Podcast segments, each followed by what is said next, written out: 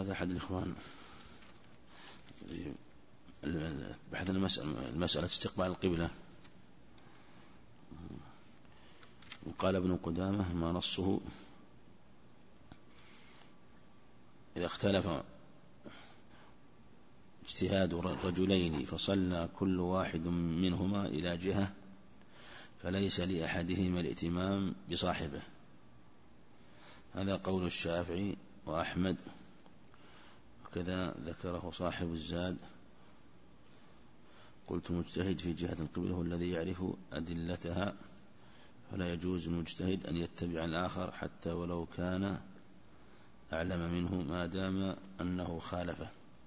هذا مذهب أحمد. القول الثاني قال بعض العلم بل يجوز أن يتبعه في الائتمام ذكره صاحب الإنصاف قاسه على من أكل لحم جزور ويرى أنه ليس بناقض ثم أحدهما بالآخر. والأقرب القول الأخير وهو جواز أن يتم أحدهما بالآخر مع اختلافهما في الجهة. رجحه الشيخ ابن عثيمين في الشرح الممتع. قاسوا على الصلاة داخل الكعبة. أما المقلد فيتبع أوثقه ما عنده. هذا بحث القبلة هذا اللي هو قلنا يعني إنه, إنه إذا اجتهد اختلف اجتهاد رجلين هل يأتم أحدهما بالآخر أم لا؟ صاحب الموني رحمه الله مثل ما كما هو معروف هذا هو معروف مذهب أحمد أنه وكذلك مذهب الشافعي أنه لا يأتم أحدهما بالآخر.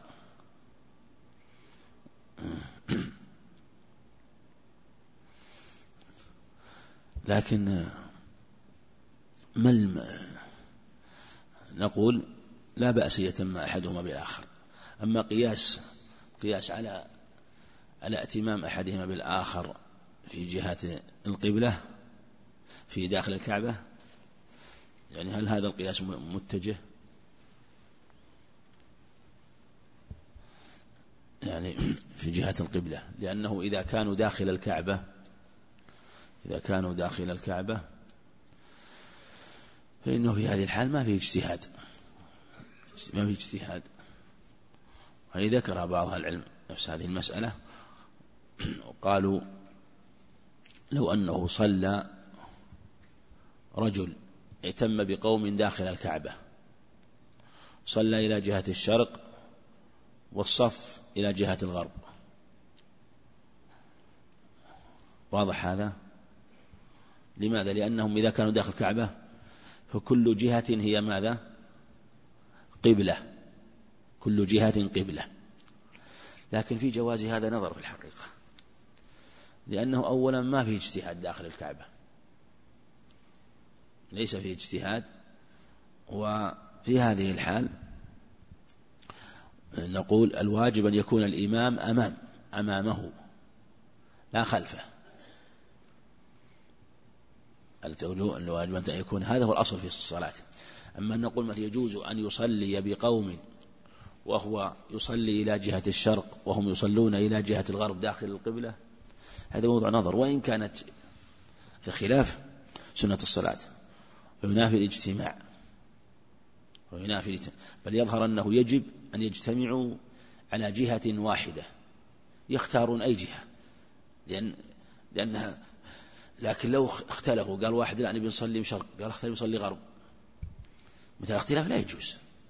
يعني هذا كله على آه، إذا إذا وقع مثلا إذا دخلوا داخل الكعبة وأراد أن يصلوا لأنه يسن يصلي يسن أن يصلي في الكعبة.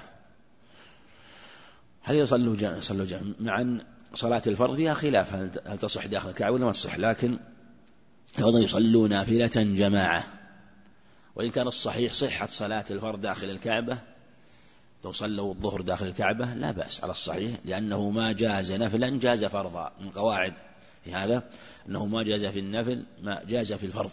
والنبي عليه الصلاة والسلام صلى النافلة داخل الكعبة ولم يقل إن هذا خاص بماذا؟ بالفرض. والأصل عموم المعنى والحكم في باب العبادات لعبادة أخرى ولا فرق بين الفرض والنفل. فلو قال إن هذا خاص بالنفل يجوز يصلى داخل الكعبة والفرض لا يجوز. نقول ما الدليل عليه؟ ولهذا استدللنا بمسائل ترجح القول فيها في الفرض وليس عندنا دليل إلا من صلاته في النفل عليه الصلاة والسلام. مثل اشتراط النية لمن أراد أن يأتم بإمامه. لو أن إمام تقدم يصلي الفرض الظهر. إنسان صلى الظهر دخل المسجد ما نوى أن يكون إماما. وجاء إنسان وصلى معه.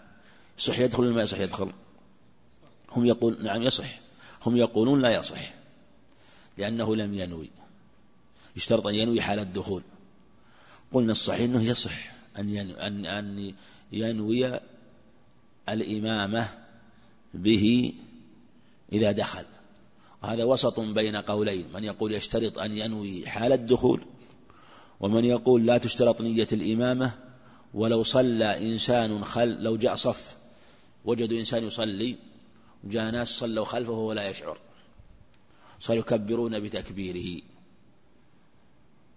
ذهب الشافعي جمع أنه لا بأس. لو جئت خلف خلف إنسان يصلي وصففت خلف صف وصف خلفه رجلان أو صف إنسان بجواره لم لم يحس به كونه كيف بصر أو لكونه شغل بصلاته فما أحس به. جوز الشافعي جماعة صلاة الجماعة وقالوا إنها صلاة جماعة وقالوا لا ارتباط بين صلاة الإمام والمأموم. وكل منهما يصلي لنفسه وتصح ائتمام أحدهما بالآخر. ولهذا القول الوسط هو الوسط وهو العدل. ونقول صلاة الإمام مأموم مرتبطة بالإمام لكن عند الحاجة إلى الائتمام لا نشترط مثل هذا. ولهذا النبي عليه الصلاة والسلام في حديث ابن عباس حجابر جبار جبار بن صخر وجابر بن عبد الله لما جاء جابر والنبي عليه الصلاة والسلام يصلي صف معه عن يساره فأداره عن يمينه فجاء جبار بن صخر فصف آه، فصف معه فدفعهما النبي عليه الصلاة والسلام خلفه وتقدم. شاهد الحال أنه الشاهد من الدليل أنه لم يأتي آه، أن في الدليل أن النبي عليه الصلاة والسلام يعني أنه أحرم أحرم منفردا محرم منفردا وصفوا معه. ولم يقل هذا لمن نوى أحرم منفردا ينوي الإمامة. حديث ابن عباس لما صلى مع النبي عليه الصلاة والسلام في صلاة الليل وقام قال فجئت صفت عيسى فدر يمين. بل ما هو أبلغ من ذلك؟ وأن النبي عليه الصلاة والسلام صلى في رمضان فصف ناس خلفه فصلى بهم ولم يشعر بهم. وهذا استدل به الشافعي قالوا إن ظاهر الحال أنه لم يشعر بهم لأنهم كانوا يصلون خلفه فلما شعر بهم خفف في صلاته. لكن قلنا القول الوسط هو هذا.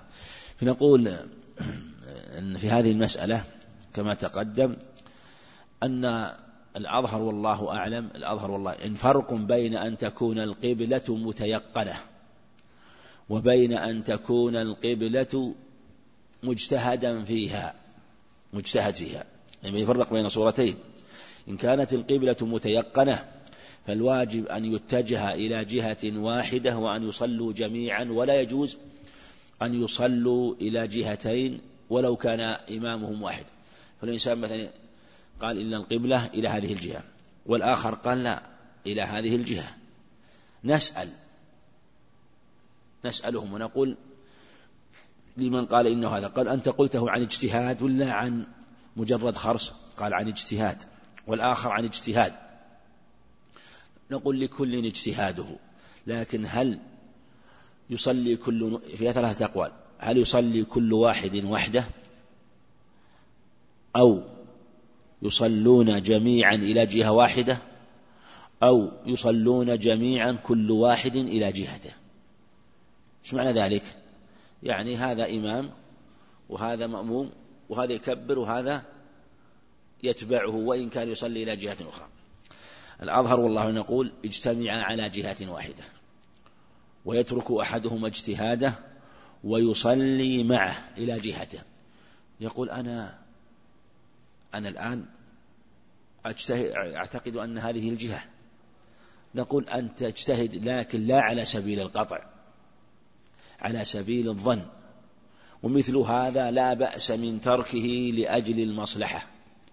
ولهذا يجوز ترك القول الراجح والأخذ بالقول المرجوح للمصلحة الراجحة. لا بأس بذلك. وله شواهد وأدلة. أما إذا كان الذي صلى إليه يقطع يقينا وهذا مجرد خرص فيجب عليه أن يقلد. ولهذا الاجتهاد يختلف. الإنسان قد يكون مجتهد في باب معرفة القبلة عامي في باب الأحكام إنسان يعرف الجهات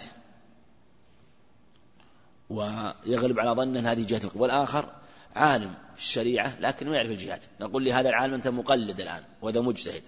عليك أن تتبع هذا المجتهد. ولا لا؟ هذا مجتهد. لأنه في فنه مجتهد. وهو أعلم بهذا الأمر. مع أن بعض العلم جوز يعني اختلاف الجهة مع إمام واحد. والأحناف جوزوا في صورة صلاة المرأة بقوم في التراويح خاصة. إمامة المرأة بالرجال فعندنا تصح في مثال امرأة قارئة مجيدة حافظة لسور عديدة وغيرها من الرجال أمي أو حافظ لسورة في النظم.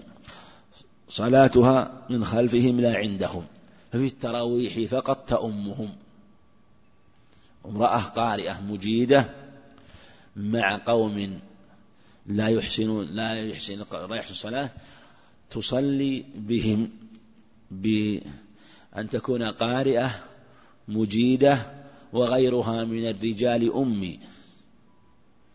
لا لا يحسن. ففي التراويح فقد تأم. صلاتها من خلفهم لا عندهم. ما تصلي ما تتقدمهم لأنها ليس لها أن تتقدم. بل تصلي بهم خلفهم وهم يأتمون بها وهم أمام وهم أمامها. هذا قول الحديث ضعيف. أو هو باطل في الحقيقة وكيف يقال مثل هذا؟ وهذه الصورة ال ال التي لا شاهد لها في الشرع بل لا شاهد لها في المذهب. حتى هي باطلة يظهر والله أعلم حتى في المذهب. فضلا عن الشريعة فضلا عن الشريعة. إنما هي تؤم بني جنسها من النساء على خلاف في صورة هذه المسألة. نعم. في الشيء عندنا مسائل أخرى وكذا؟ بقي بحث. نعم. اي إيه نعم ضل الحكم بلا أحسنت.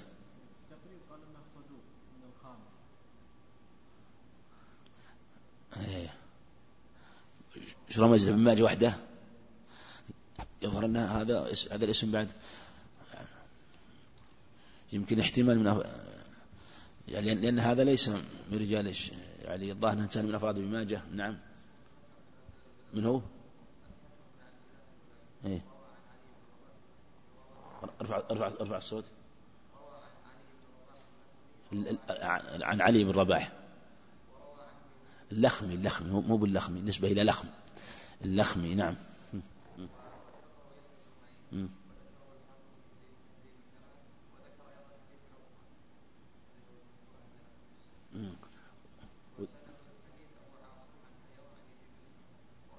عن وسند الحديث؟ اي اي اي اي اي عن عن؟ إيه زيد بن أبي حبيب إيه إيه, إيه.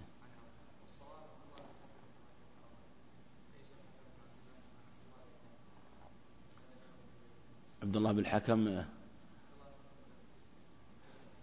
هذا من كلام من إيه هذا؟ وذكره في الحكم في التقريب. تأكد من كلامه. عبد الله بن الحكم واللي عند والسند اللي عندنا وش؟ الحكم من عبد الله. أي عبد الله بن الحكم ممكن. لأن عبد الله بالحكم إيش رمز له؟ ما تدري ما ما, ما نقلت رمزه؟ حاء قاف.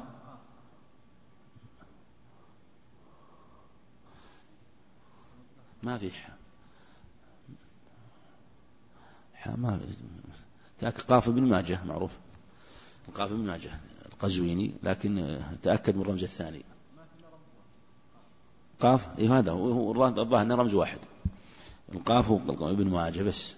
عبد الله بن الحكم.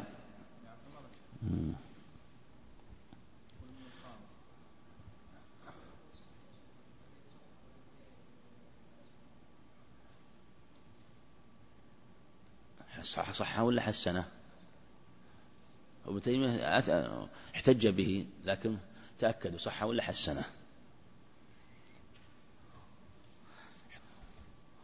وذكر في المجلد الحادي والعشرين في كتاب الطهارة أشار إليه رحمه الله. يمكن.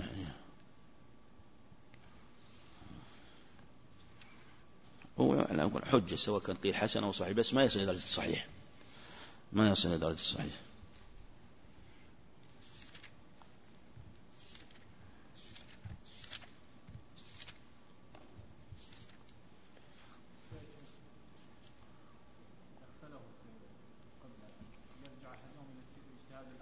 نعم.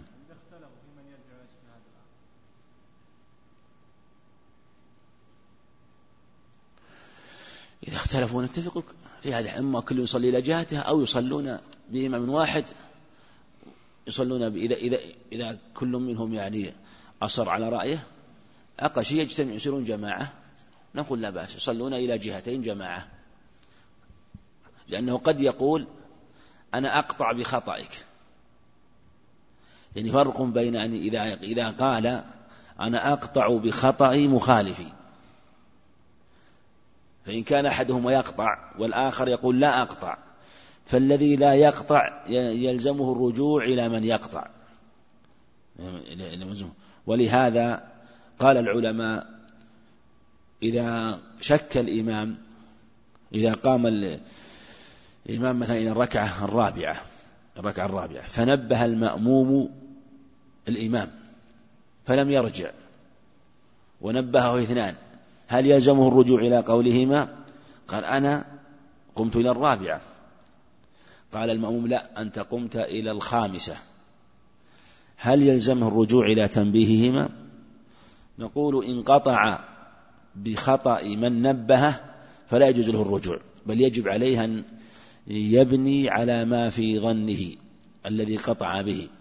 وإن كان مجرد ظن ويحتمل وهما اثنان فإنه يرجع إنه يرجع كرجوع الحاكم إلى الشاهدين وترك ما عنده مع أنه هذا فيه خلاف حتى هذا فيه خلاف.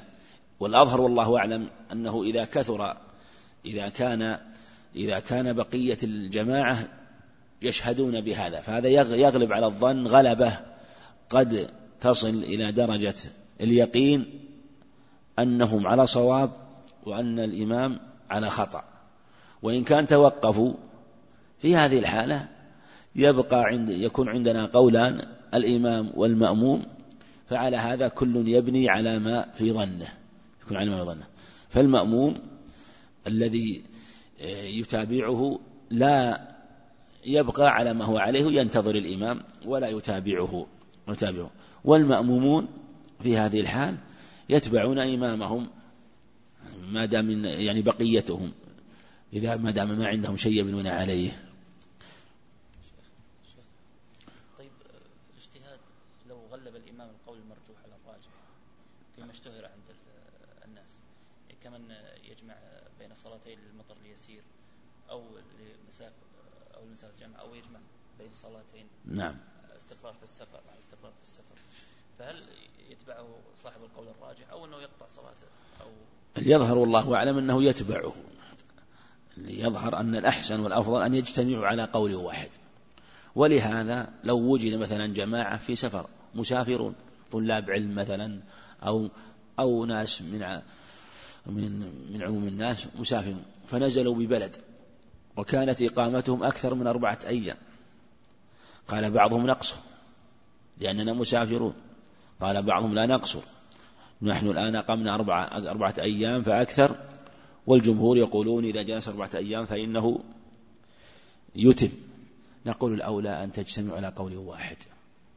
على قول واحد ولا تختلفوا. قال أنا أعتقد نقول أنت على أنت على اعتقادك ما يضر أنت حينما تصلي مثلا ركعتين حينما وأنت تقول أن الصلاة أربع على اعتقادك أنت. ما يضر.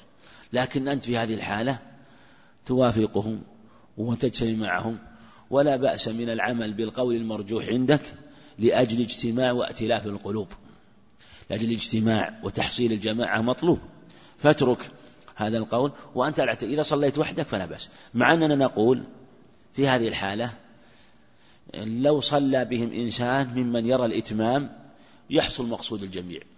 فالمسافر يصلي خلف الإمام أربع لأنه لو صلى لو صلى في البلد صلى أربع. كذلك أيضا يصلي بهم إمام يجتمع به يجتمع به قول الجميع. لكن لو أنهم آه، صلى بهم تارة هذا وتارة صلى بهم هذا نقول لا بأس. إن صلى بهم الذي يتم يتمون وإن صلى بهم الذي يقصر يقصرون ولا يختلفون. هذا هو السنة والأكمل. ولهذا في الحقيقة حينما ترى أن الجماعة والاجتماع في الشريعة جاءت فيها أدلة على تأكدها. ولهذا رأى جمع من أهل العلم وهو اختيار تقي الدين وابن عقيل وابن أبي موسى ذكره صاحب الإنصاف رحمه الله أنهم يرون أن الجماعة شرط. وإن كان هذا قول ربما لا يعرفه كثير من الناس من متأخر الفقهاء لكن قول مشهور. وبالأدلة منصور وشواهده في الكتاب وكلام أهل العلم. وهذا القول وإن كان قد لا يعني يجزم به لكن هذا يبين يبين أن المسألة مهمة. ولهذا انظر في صلاة الخوف يقول وإذا كنت فيهم فأقمت الصلاة فلتقم طائفة منهم معك. أمر الله عز وجل بصلاة الجماعة حال الخوف يجتمعون ويصلون طائفتين بإمام واحد ومع أنه يحصل من ترك أمور واجبة بل ركن من أركان الصلاة من التقدم والتأخر والسلام قبل الإمام وما أشبه ذلك. أمور لو فعلها في حال الأمن إيش تكون الصلاة؟ باطلة بالاتفاق. طيب لماذا فعل هذا؟ لأجل تحقيق الجماعة. لأجل تحقيق الجماعة. مع أنه يمكن أن يصل أن يصلوا عدة جماعات صلاة أمن. بدل ما يصلوا جماعة واحدة بإمام واحد جماعة خلف الإمام ثم جماعة أخرى على على الصفات المنقولة في الأخبار الصحيحة ممكن أن يصلوا خمس جماعات ست جماعات صلاة أمن. يصلي لو كانوا مثلا هم خمسون ونزل بهم خوف أو أقل أو خمسة. بدل ما يصلون خمسة بإمام واحد يصلي يصلي اثنين جماعة وثلاثة يحرسون. ثم يصلي اثنين جماعة وثلاثة يحرسون. أو عشرة. يصلون اثنين اثنين جماعات لكن هذا يحصل فيه تفرق. في هذه الحال لا بأس. والأدلة على هذا كثيرة. وهذا مثل ما تقدم يؤيد الترجيح السابق في قضية الاجتماع في جهة واحدة. كما لأنه لأننا مأمورون في صلاة الجماعة بالاجتماع في أمور كثيرة. الاجتماع إلى قبلة واحدة. وفي صف واحد مع إمام واحد. وأن تكون الأقدام والأبدان متقاربة متراصة كله لأجل تحقيق الجماعة. فالأمر في هذا يعني مهم وعظيم. ولهذا ترجح هذه الأقوال لأجل هذه المعاني والأدلة فيها ظاهرة. نعم.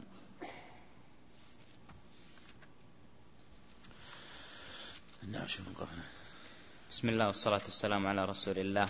اللهم اغفر لنا ولشيخنا وللحاضرين والمستمعين. أما بعد. قال المؤلف رحمه الله ثانيا وتارة لكون معناه في لغته وعرفه غير معناه في لغة النبي صلى الله عليه وآله وسلم وهو يحمله على ما يفهمه في لغته بناء على أن الأصل بقاء اللغة. كما سمع بعضهم آثارا في الرخصة في النبيذ فظنوه بعض أنواع المسكر لأنه لغتهم وإنما هو ما ينبذ لتحلية الماء قبل أن يشتد. فإنه جاء مفسرا في أحاديث كثيرة صحيحة.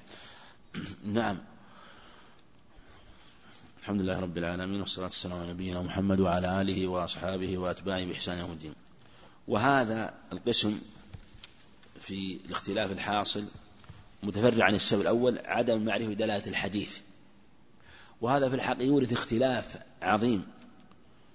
وهذا له أسباب كما ذكر المصنف يعني إما لعدم فهم الدلالة يعني يفسرها بشيء لا تدل عليه مثل ما تقدم في تفسير الغرر أو الملابسة أو المخابرة مثل المخابرة بعض أهل العلم حرم وقال لا يجوز آه، إجارة الأرض ببعض ما يخرج منها هو قول الجمهور الجمهور يقولون لا يجوز إجارة الأرض ببعض ما يخرج منها لماذا؟ قالوا إنه نهى عن المخابرة. وهي من الخبار وهو الشيء الذي يكون في الأرض. على هناك أدلة استدلوا بها لكن الذين خالفوا بينوا أن هذا لا يدل عليه لفظ المخابرة. وكما تقدم جاءت الأدلة موضحة. ثم من يا أخوان من أعظم ما يبين الأحاديث هو الروايات الأخرى. هذا طالب العلم حينما يبحث على المس عن المسألة وفيها خلاف أهم ما يكون بحثك أول لا في أقوال أهل العلم أول ما يكون جمع الأخبار في هذه المسألة من الطرفين اجمع الأدلة اجمع الروايات. يعني تبحث مسألة في من المسائل اجمع الأدلة في المسألة والروايات وتتبعها تتبع أطرافها.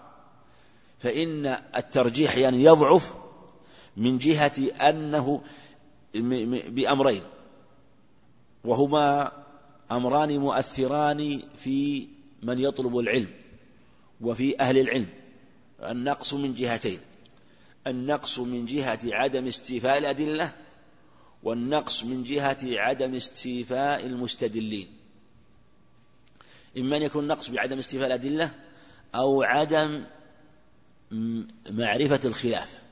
يقصر فهمه يعرف قول والمسألة فيها ثلاثة أقوال. يعرف قولين وفيها ثلاثة أقوال.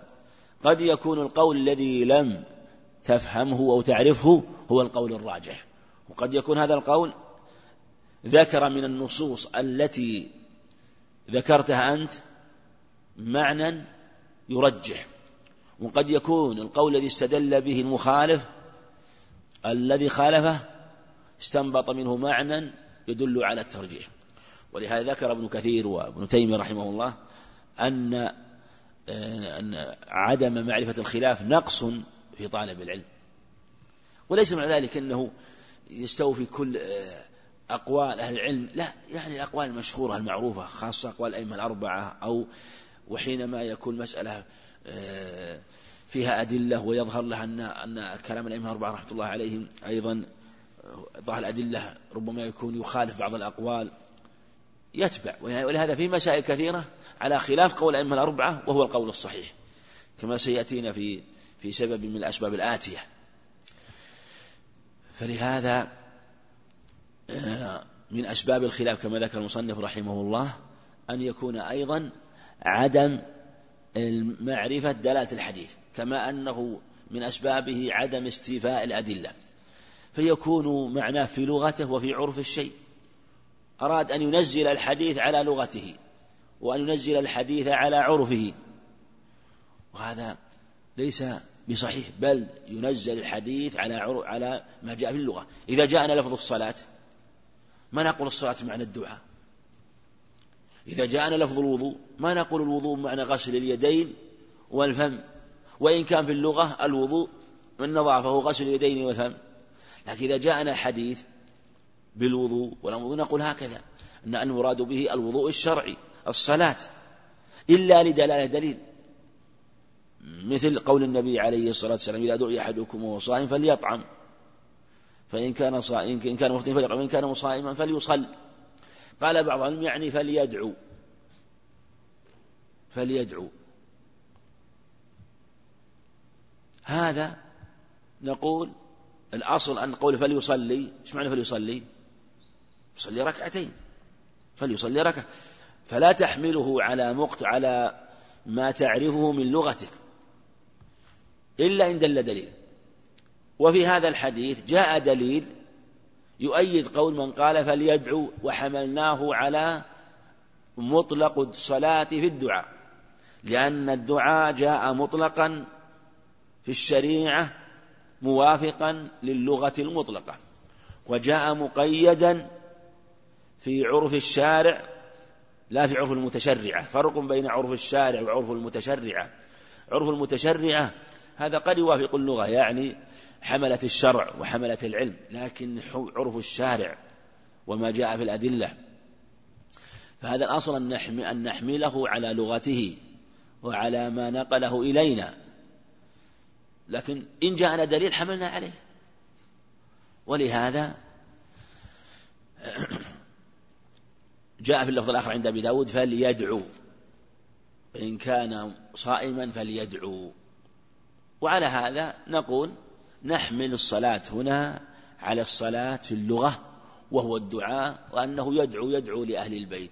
وإن جمع بينهما صلى لهذه الرواية ودعا للرواية الأخرى فلا بأس لأنه عمل بكلتا الروايتين ولا معارضة ولا منافاة.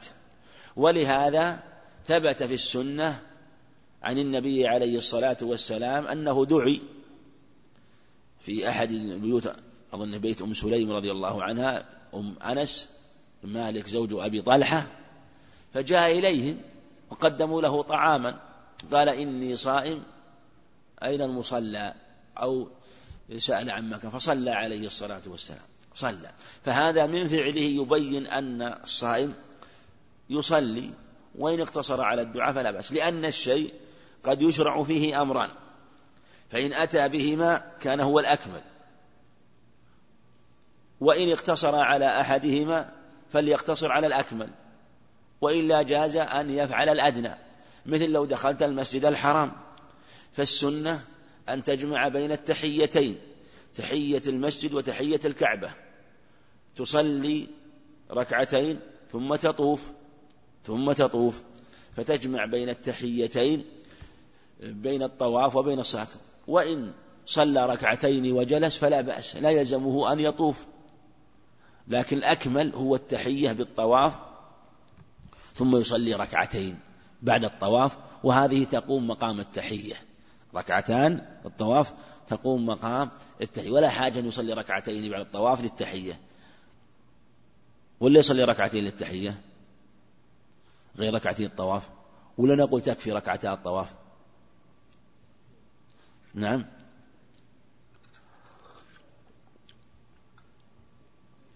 نعم. يكفي. يكفي. أه.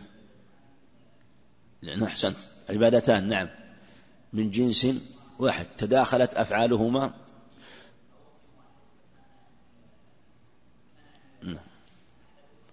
يعني دخل أحدهما في الآخر. دخل أحدهما. نعم. نقول هذه لأن التحية ليست مقصودة لذاتها. التحية ليست مقصودة إنما مقصودة آه، التحية المقصود تحية المسجد. فليست سنة مقصودة لذاتها. ولهذا لو دخلت والناس يصلون الظهر تصلي معهم الظهر ويغني عن تحية المسجد. لأن المقصود هو شغل البقعة بصلاة قبل الجلوس. سواء كانت فريضة أو نافلة مطلقة أو نافلة مقيدة. ولهذا أن تدخل المسجد قبل كل صلاة فإن كان لها راتبة إذا كان لها راتب مثلا قبلها فإن مثل الظهر أو الفجر فإنك تصلي الراتبة وتغنيك عن التحية.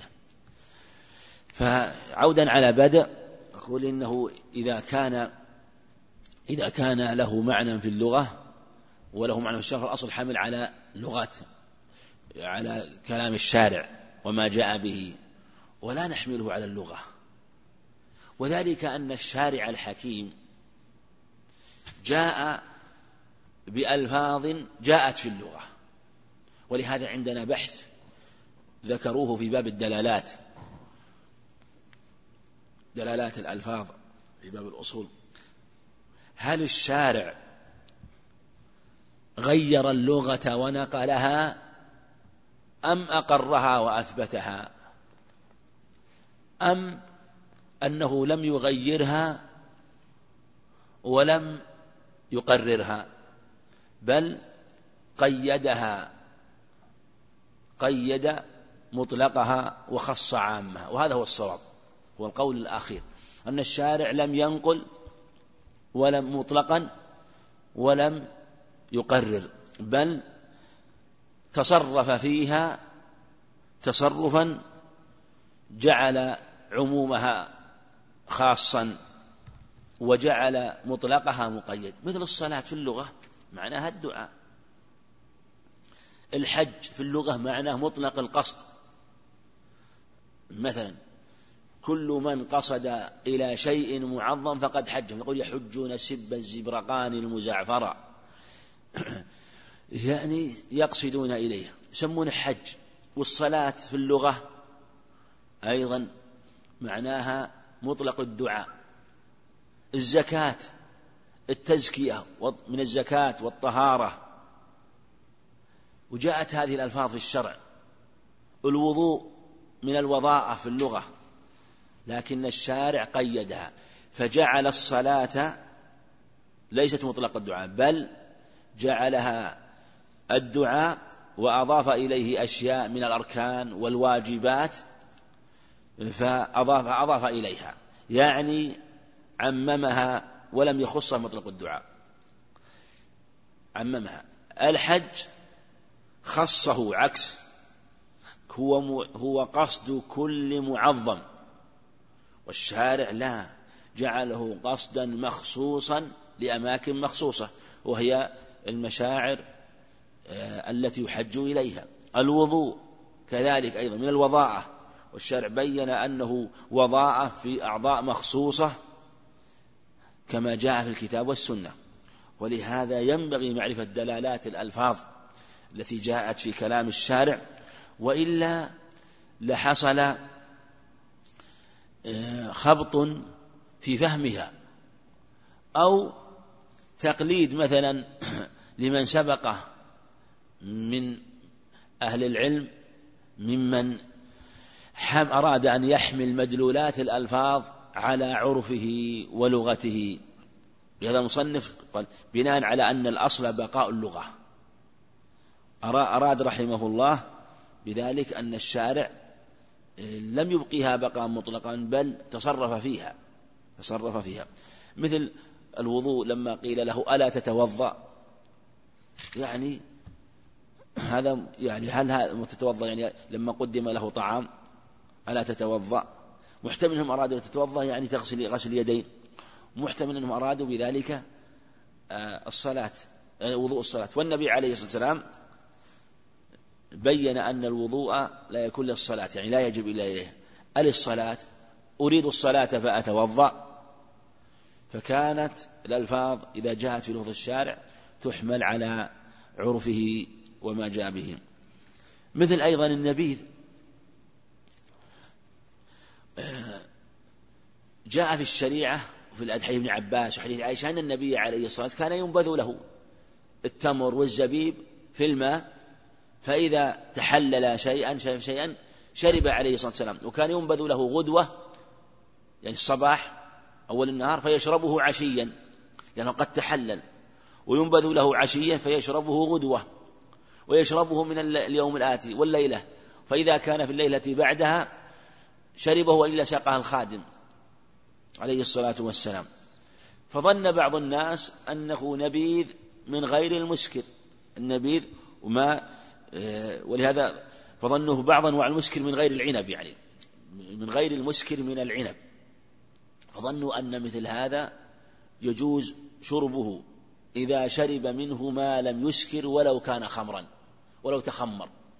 جوزوا شرب بعض أنواع الأنبذة من غير العنب من آه، شعير أو مثلا من تمر ولو تغير ولو تخمر إذا شرب منه قدرا لا يسكر.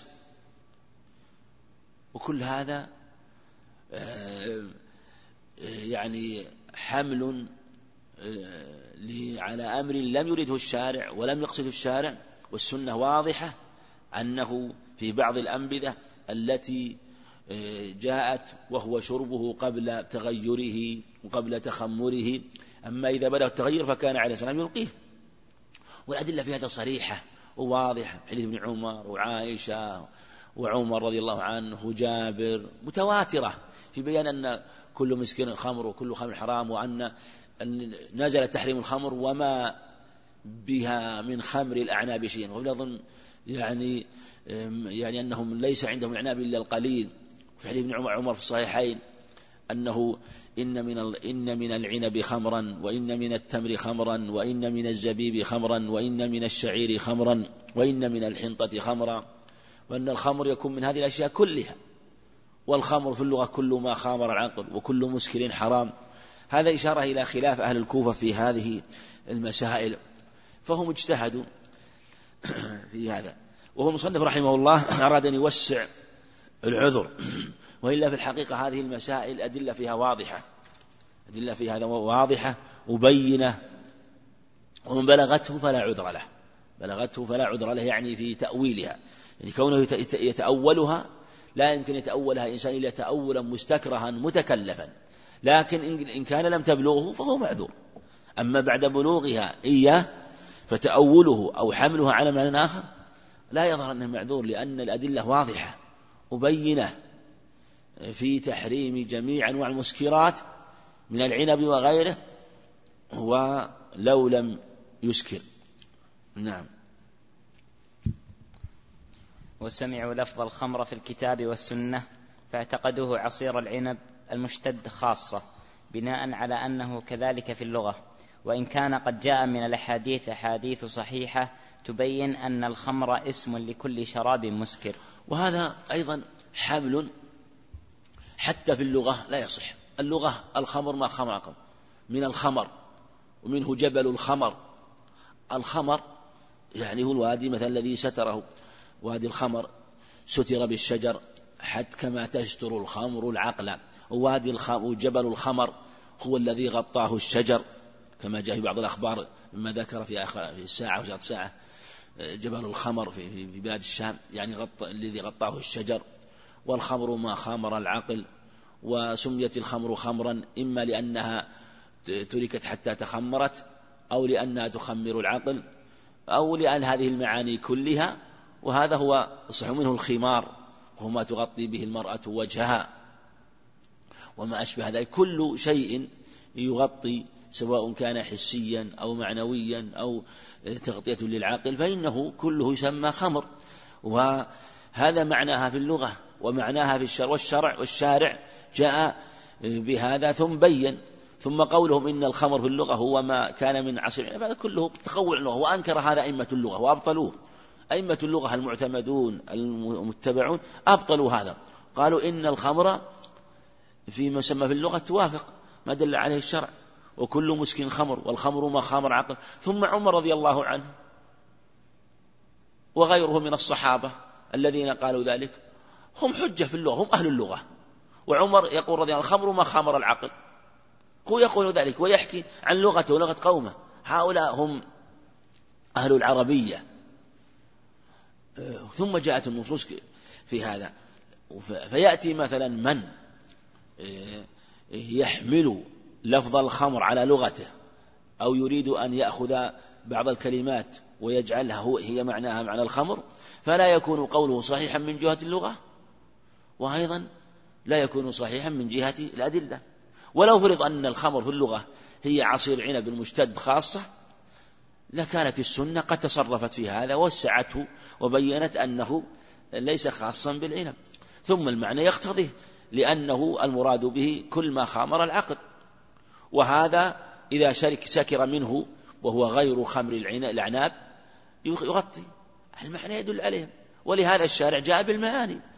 فقد يكون الشيء الذي سكت عنه الشارع معنى المعنى فيه أولى مما تلفظ به لحاجة في ذلك. لحاجة. مثل ما سموا في باب مفهوم الأولى. مفهوم الأولى. أو ما سموه فحوى الخطاب. فحو والخطاب. فحوى الخطاب ومفهوم الأولى هو ما يكون أولى بالمعنى من منطوق الكتاب أو السنة. ودليل وهذا هو مفهوم الموافقة. مفهوم الموافقة أو ما هو أولى. يعني الموافقة نوعان موافقة مساوية وموافقة أولى. ودليل الخطاب هو مفهوم المخالفة. يعني دل عليه الخطاب. وكل ما لم يدل في محل النطق فهو مفهوم. تارة يكون مفهوم مخالفة تارة يكون يكون مفهوم موافقة مفهوم موافقة هذا حجة عند الجميع سواء كان أولى أو مساوي. ولهذا قول النبي عليه الصلاة والسلام لا يقضي القاضي وهو غضبان. لا يقضي القاضي وهو غضبان. هل المقصود خصوص الغضب أو ما يشغل الذهن والفكر؟ إيش المقصود؟ هل خصوص الغضبان وأنه لو شغل القاضي أمر أشد من الغضب لا يدخل في الحديث؟ نعم. أرفع الصوت. إي نعم. العلة واحدة أحسنت. صحيح. العلة واحدة وهذا ال... وهذا المعنى قد يكون مساويا للغضب وقد يكون أولى. ولهذا قال العلماء إنما كان مثل الغضب أو أولى داخل. فلو كان مثلا مهموم بأمر عظيم مهتم لأمر مشغول باله بأمر عظيم فلا يقضي. وقالوا أيضا لو كان اشتد به الجوع جدا فشغله فلا يقضي. لأن المعنى والعلة تدل عليه. ولهذا أحيانا قد نوسع اللفظ الذي دل عليه الشارع ونعممه من جهة عموم المعنى. فدلالات الألفاظ ودلالات المعاني مهمة العناية بها عناية عظيمة. حتى إن طالب العلم يستفيد من الحديث الواحد مسائل كثيرة. كلما علم دلالات الألفاظ ومفاهيمها وفحواها وتنبيهها وإشارة وإشاراتها. لهذا حديث واحد بعض العلماء يستنبط منه فائدة وآخر فائدة وألف فائدة. وإلا ليس كذلك؟ واحد يقول ألف هذه فائدة. وشخص فائدة وألف فائدة. مثل ما ذكروا في حديث يا أبا عمير ما فعل النغير. هذا حديث شوف النبي عليه الصلاة والسلام قاله على سبيل المداعبة لكنه عليه الصلاة والسلام وما ينطق عن الهوى. أوتي جوامع الكلم. يا أبا عمير ما فعل النغير. هذا إنسان يقول هذا حديث يعني ينظر إليه قد يأخذ من ظاهره مجرد هذه العبارة. لكن بعض العلم استنبط منها ألف فائدة وفائدة في الأحكام وفي غيرها. لكن قد يكون بعضها متكلف لكن الغالب عليها يا أبا عمير ما فعل النغير. كان بعضهم صحفه. إيش كان يقول؟ بعض الرواة صحفه. إيش كان يروي؟ إيش يقول؟ إيش كان يقول؟ يا أبا عمير ما فعل البعير.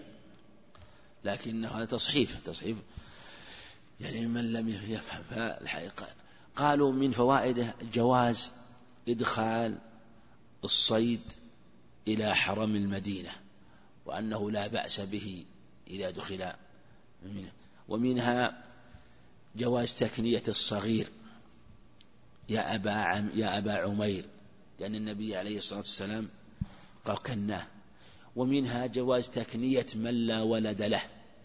إنسان يقول يا أبا فلان يا أبا لا بأس أن يكنى الإنسان ولو لم يكن له ولد من ذكر وأنثى ما له ولد من ذكر وأنثى نكنيه لا بأس أن نكنيه ونقول يا أبا فلان. يا أبا عمير ما فعل النغير ومنها جواز مخاطبة من لا يدرك أو لا يفهم بكلام مفهوم لأن هذا صغير قد لا يدرك مثل هذا ومنها مداعبة الصغار. وذكر أشياء منها ما أيضا حسن خلقه عليه الصلاة والسلام وما أشبه ذلك. ومنها جواز اللعب بال آه، لعب الأطفال ببعض أنواع الطيور. ولهذا استدل بعضهم هل يجوز مثلا بيع الطيور في الأقفاص أو لا يجوز؟ يجوز أن تباع في الأقفاص بعض العلم جوز منع هذا كابن عقيل قال لا يجوز أن تحبس في الأقفاص وأن تباع. كيف تحبسه عن هذا الفضاء؟ الله عز وجل خلقه في هذا الفضاء. والطير حينما يمنع والإنسان قد يحصل له من الشدة حينما يحبس عن أمر سهل. يحصل له من الشدة ويحصل له من الحزن فكيف بهذا الحيوان البهيم الذي يطير في الفضاء الذي لو حبس في أرضه في مكان لاشتد عليه فكيف من يحبس عن أرضه وسمائه له إن شاء في الأرض وإن شاء في السماء فالشدة في حقه أعلى أعظم. هذا رأيه رحمه الله. لكن من جوز استدل بمثل هذا وقال إنه قال نغر. نغر كان يلعب به. شاهد أن أن العناية بها مما يعين طالب العلم على حسن النظر وحسن الاستنباط ولا يحقر فائدة إذا كانت ظاهرة. لكن الشأن ألا تكون متكلفة ألا تكون متكلفة. أو أن يصرف النص عن ظاهره. هذا هو القول الذي لا يرد القول الذي يرد ولا يقبل. نعم. ثالثا وتارة لكون اللفظ مشتركا أو مجملا أو مترددا بين حقيقة ومجاز فيحمله على الأقرب عنده وإن كان المراد هو الآخر. كما حمل جماعة من الصحابة في أول الأمر الخيط الأبيض من الخيط الأسود على الحبل. وكما حمل آخرون قوله تعالى فامسحوا بوجوهكم وأيديكم على اليد إلى الإبط. هذا المسح المسح مسح التيمم نعم. مسح التيمم لا الغسل نعم هذا هذا هذه مسح التيمم لا في المسح المذكور في الأرجل اللي هو المراد به الغسل. والمصنف رحمه الله ذكر هذين المثالين للمتردد لفظ المشترك أو المجمل أو المتردد بين حقيقة ومجاز. بين الحقيقة هم يطلقون الحقيقة يراد الحقيقة اللفظ المطلق يعني العام والمجاز هو اللفظ المقيد اللفظ المجاز هو اللفظ المقيد. معنى أنه إذا خص اللفظ أو قيد المطلق فيكون يسمونه مجاز. ومنهم من ينكر هذا اللفظ أيضا وحتى تقييد ينكر هذا رحمه الله. ينكر هذا اللفظ ولكنه استعمله في هذا المثال من باب بيان وجه العذر وجه العذر لمن اعتذر. قبل ذلك قوله في قوله تعالى في في قصة عدي بن حاتم رضي الله عنه. أحل لكم ليلة الصيام الرفث إلى نسائكم هن لباس لكم وأنتم لباس لهن. هذه لما نزلت الآية لم ينزل في آخرها قوله تعالى من الفجر. لم ينزل قوله تعالى من الفجر. فظنوا وكلوا واشربوا حتى يتبين لكم الخيط الأبيض من الخيط الأسود من لم ينزل من الفجر. لم ينزل من الفجر. ظن أن المراد بالخيط هو الخيط العقال يأخذ خيط ويحض على رجله حتى يتبين هذا وخيط آخر على وحتى يتبين هذا. فإذا تبين الأبيض من الأسود فإنه يمتنع من الأكل لأنه لم ينزل من قول قوله من الفجر. فلما زال ينزل قوله من الفجر علموا أنه بياض الليل وبياض النهار. فهذا اللفظ مشترك وقوله الخيط الأبيض من الخيط الأسود مشترك بين الخيط الحسي هذا الذي يكون العقال وبين خروج النهار وذهاب الظلمة وهو الخيط الأبيض من الخيط الأسود. وهذا اللفظ المشترك وقع في عهد الصحابة رضي الله عنهم وقع في عهد الصحابة رضي الله عنهم. والعلماء اختلفوا هل هذا في لغته؟ هل هذا في لغته؟ و أو أنه هو الذي فهم. ولهذا لما لما أخبر النبي بذلك وأنه قال عمدت إلى عقالين فربطتهما حتى إذا تبين لي أمسكت. قال النبي عليه السلام إنما هو بياض النهار وسواد الليل. في إن وسادك لعريض. إن وسادك لعريض. إشارة إلى أنه لم يفهم المراد من الآية. وهذا قد يقال أن هذا هو الأظهر أن لم يفهم المراد من الآية وأنه ليس من لغته إذ لو كان من لغته لم ينكر عليه النبي عليه الصلاة والسلام وأن هذا محتمل. وهذا واضح من الآية. من قوله من الفجر. فلما نزل من الفجر دل على أنه المراد بالخيط الأبيض من الخيط الأسود وإن كان الصحيح أنه يحمل المطلق على إطلاقه. هذا الصحيح. نحمل المطلق على إطلاقه ما لم يأتي دليل. ولهذا إذا جاء نص مثلا مطلق وحقيقته تحتمل عدة معاني نحمل اللفظ على إطلاقه ويدخل فيه كل ما يدخل تحت هذا المسمى. ولا نقول إنه حقيقة في أحدهما مجاز في الآخر. لا نحمله على إطلاقه. ما لم يدل دليل على خصوصه. ما لم يدل دليل على خصوصه. ولهذا مثلا بعض العلماء مثلا قول لا ينفر أحد حتى يكون آخر عهده في البيت استدل بعمومه على طواف الوداع للحج وللعمرة. قالوا إنه عام لهذا ولهذا. وقول الحج يشمل الحج والعمرة فالحج الأكبر هذا هو الحج للمشاعر المعروفة والحج الأصغر هو آه، حج البيت بوحده بالطواف والسعي بس. فقد نحمله على ولا نقول إنه خاص بالحج الأكبر. والذين خالفوا قالوا إن العام إنه يحمل على إطلاقه على أو على عمومه ولا نقيد. آه، لكن دل الدليل على أنه لا أنه خاص بالحج دون العمرة. واستدلوا بأدلة والأدلة معروفة لكن الشان هو التمثيل في هذه المسألة. في وكذلك يقول فامسحوا بوجوه بوجوهكم وأيديكم. يعني المسح هنا في اختلف في ذكر اليد. هل المسح هل هل هو إلى الكوع أو إلى المرفق أو إلى المنكب؟ اختلف فيه, فيه. فهو ولهذا آه، من قال إنه إلى إلى المنكب استدل بدليل ومن قال إنه إلى المرفق استدل بدليل لكن الصواب أنه إلى ماذا؟ إلى الرسل لأن اليد إذا أطلقت إذا أطلقت فمعناها في الإطلاق إلى الرسل هذا معناها في الإطلاق. وإذا أريد غير ذلك فإنها تقيد. وليقول في قوله تعالى يا أيها الذين إذا قمتم فاغسلوا وجوهكم وأيديكم إلى المرافق وامسحوا برؤوسكم وأرجلكم إلى الكعبين. يعني لما أنه ذكر الأيدي ذكر ذكر الغسل إلى المرافق ذكر الغسل إلى المرافق. قيده. فدل على أن اليد في حال الإطلاق لا تكون إلا إلى الرسل. إذ لو كانت عند الإطلاق إلى المرفق لم يقيد. ولهذا في قوله تعالى والسارق والسارقة فاقطعوا أيديهما. أطلق. وين نقطع يد السارق من الرسغ تقطع يد السارق من الرسغ فأطلق. ولهذا عند الإطلاق لا نحتاج إلى قيد يبين لأنها مبينة. ولهذا من حمل اليد على الإبط هذا خلاف الصواب. خفي عليه دلالات وظن أنها عند الإطلاق هذا هو معناها. والصحابة رضي الله عنهم أشكل عليهم الأمر لأنه يحتمل هذا وهذا. فجاء بعض الروايات من مسحوا إلى المناكب. ومنهم من مسح إلى المرفقين. منهم من نصح نصف الذراع. وكلها حديث ضعيفة إلا المسح إلى المناكب في حديث جيد. فبعضهم حمل باب الاحتياط إلى آه، مطلق مسمى مطلق اليد إلى النهاية. فاحتاط في ذلك كأنه أشكل عليهم. والنبي عليه الصلاة والسلام بين أن المسح يكون إلى الرسل.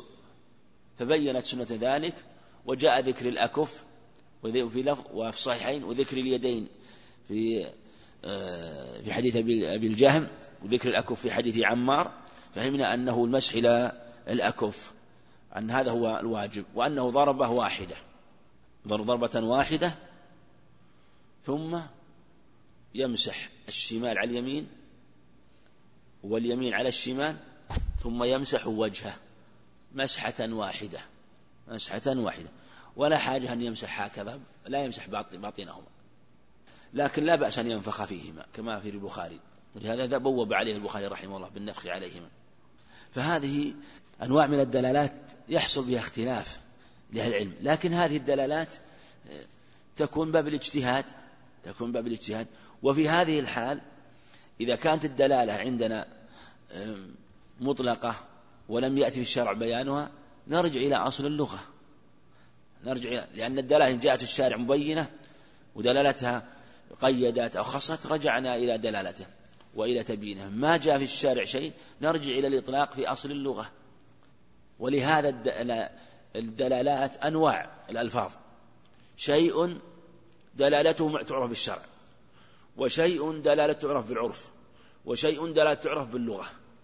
الدلالات دلالات ثلاثة أنواع. منها ما يعرف باللغة مثل الشمس والقمر والسماء والأرض هذه معروفة باللغة. ومنها ما يعرف بالشرع. نرجع إلى الشرع. مثل الصلاة والزكاة والصوم والحج الشارع بينها. ومنها ما يعرف بالعرف. ما يحكم إلا العرف. مثل قبض المبيع الحرز الذي يقطع فيه السارق.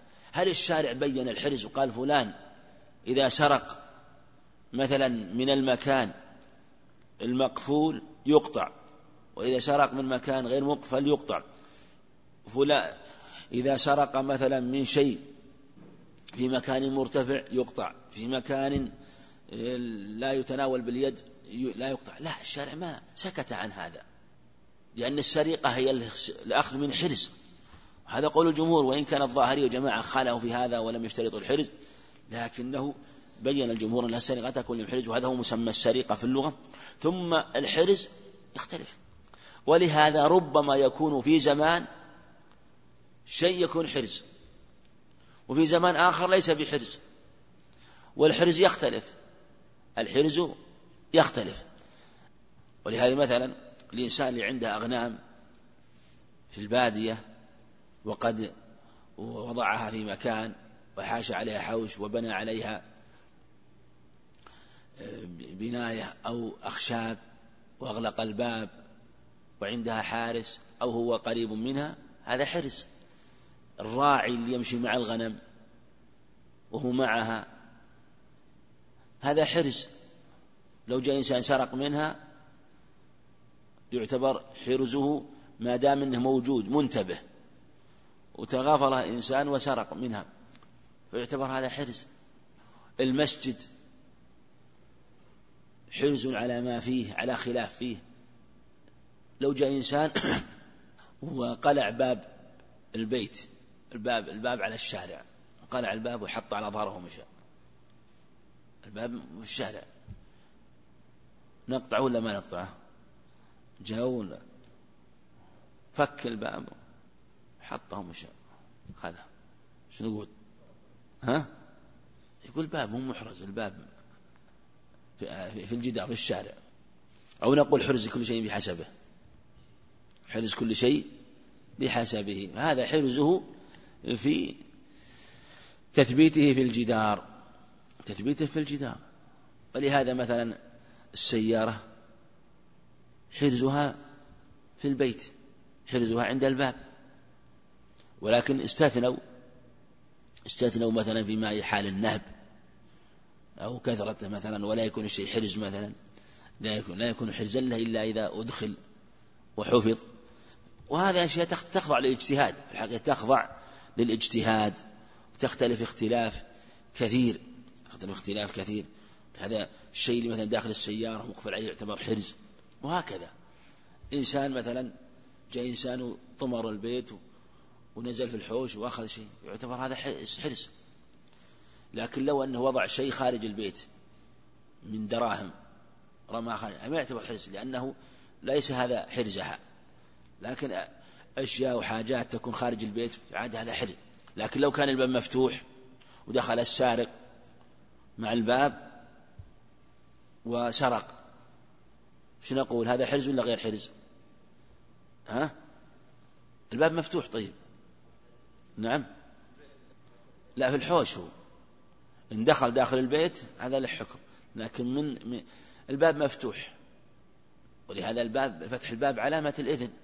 أنت لو أنك دعوت الناس وفتحت الباب علامة يدخلون ما له حاجة يستأذنون. إذا كان الباب مفتوح هذا ما يعتبر محرز. لأنه مفتوح الباب. إيش رأيك اللي جاك وأنت تبيع؟ ونهب ونحاش. أنت آذن له انت تبيع ونهب وأمامك وهرب إيش رأيك؟ سارق ولا مو سارق؟ نقطعه. الرسول يقول ليس على منتهب ولا مختلس قطع. هذا ما يقطع. ليس كل من أخذ شيئا يعتبر سارق. قلنا اشترطنا الحرز. اشترط الحرز. لو كنت مثلا لكن لو انه أخذ شيء من مخباتك مخباتك جو أخذ مخباتك. هذا يعتبر سارق لأن حرز الشيء مثلا البوك يكون في المخبات ولهذا اختلفوا في الطرار. تعرفون الطرار وشو الطرار وشو الذي يطر ماذا؟ اللي يطر الجيب يشقه. مثل يسرقون مثلا في الطواف وفي الزحام يوم الجمعة وغيره. يجي مثلا ويشق الجيب أو كذا ويسرق. هذا إن كان الصحيح الظاهر أنه السارق يعتبر لأن هذا هو الحرز. لو قيل إنه ليس بحرز لا تسلط الناس على أموالهم ولا يعتبر سارق. هذا يعتبر سرقة. يعتبر سرقة ويعتبر حرز. المقصود أن الدلالات تختلف كثيرا تختلف كثيرا. وهنالك أشياء في الحقيقة كما تقدم يختلف في الاجتهاد والنظر. يعني ما أريد أن نتوسع في هذا. تنعود إلى النص. نعم. رابعا وتارة لكون الدلالة من النص خفية. فإن جهات دلالات الأقوال متسعة جدا يتفاوت الناس في إدراكها وفهم وجوه الكلام بحسب منح بحسب منح الحق سبحانه ومواهبه. ثم قد يعرفها الرجل من حيث العموم ولا يتفطن لكون هذا المعنى داخلا في ذلك العام. ثم قد يتفطن له تارة ثم ينساه بعد ذلك وهذا باب واسع جدا لا يحيط به إلا الله. وقد يغلط الرجل فيفهم من الكلام ما لا تحتمله اللغة العربية التي بعث الرسول صلى الله عليه وسلم بها. نعم وهذا تفريع على ما سبق. وصدق رحمه الله. فإن جهة دلالة الأقوال متسعة جدا وما لم تضبط بما جاء في السنة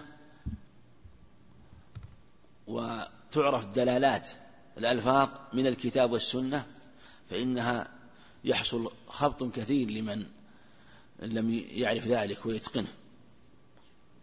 ولهذا كما ذكر رحمه الله قد يكون الشيء له دلالات في عمومه لكن لا يتفطن الناظر أن هذا داخل في هذا العموم. فيخصص هذا العموم بنظره مع أن الأصل عموم الألفاظ وإطلاق الألفاظ فالعمومات ولهذا تجد أن الأصل الأخذ بالعمومات والأصل الأخذ بالإطلاق وهذا في الحقيقة يتبين بالتأمل بالأمثلة الكثيرة خاصة حال البحث وحال النظر في مسائل كثيرة تجري العموم وتجري إطلاق على إطلاق أو العموم على عمومه. ما لم يأتي دليل يخصص. والمصنف رحمه الله آه، أشار إلى هذا قبل ذلك وقال أيضا من ذلك آه، أنه كما أنه يخرج من عمومه معنى من العين قد يغلط في نفس المعنى. قد يغلط ويجعله آه، بمعنى لا يحتمله. فيخطئ مراد الشارع. مثل مثل قول بعض في قوله عليه الصلاة والسلام أيما امرأة نكحت بغير إذن وليها فنكاحها باطل باطل باطل. أي امرأة. هذا الحديث صريح في أنه لا تنكح لا تتزوج المرأة نفسها. قول الجمهور. ذهب الأحناف وجماعة إلى جواز أن تنكح نفسها. قالوا أي امرأة يعني إما المرأة المكاتبة أو المرأة اللي هو المراد بها الأمة التي تتزوج بغير إذن سيدها. هذا المعنى الذي لا يكاد يخطر على البال بل قد يكون لم يخطر على باله عليه الصلاة والسلام.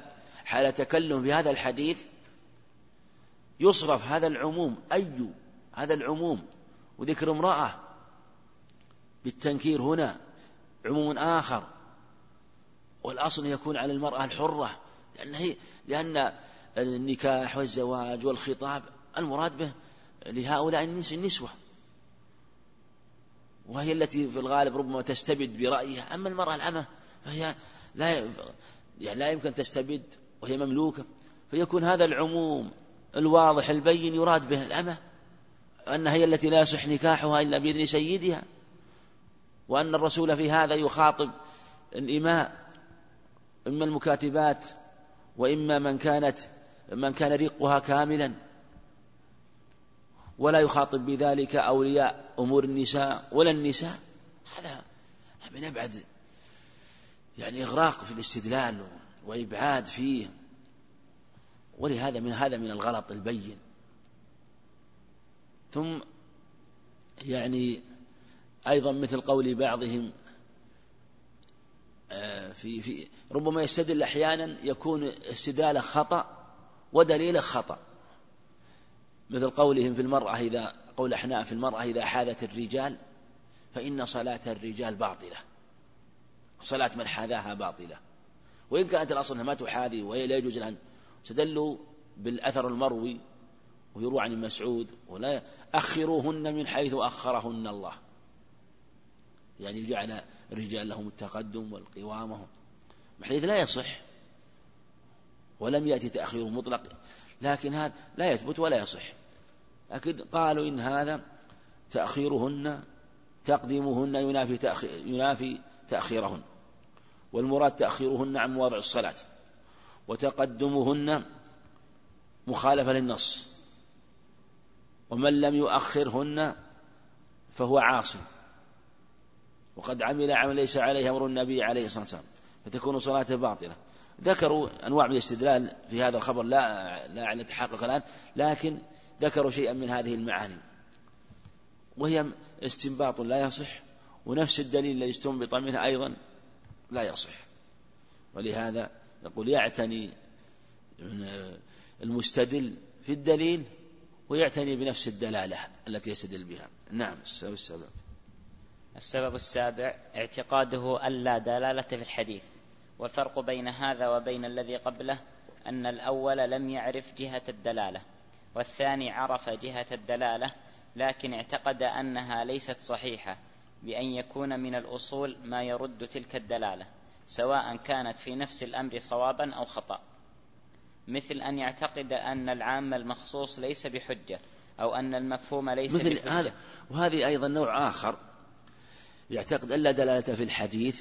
هذا الفرق بين السبب هذا والسبب الذي قبله مثل ما قال أن الذي قبله لم يعرف جهة الدلالة. ما عرف مثلا المخابرة والملامسة والمنابذة والمزابنة والغرر مثلا أو دخل أو أو جعل فيها أشياء ليست منها. وهذا هذا هو وجه الخطأ. الثاني عرف جهة الدلالة لكن اعتقد أنها ليست بحجة. مثل يعتقد مثل مثل أنه يقول إن الحديث هذا عام. لا شك أن الحديث عام والأصل عموم لكن هذا العموم مخصوص. والعموم إذا خص ليس بحجة. هذا قول لبعض أهل الأصول وهذا قول مرجوح والصواب قول الجمهور. أن العام لما كان حقيقة في أفراده قبل الخصوص فكونه خص بعد ذلك وخرج بعض أفراده لا يبطل دلالته على ما بقي مما لم يخص. الذي لم يخص باقي.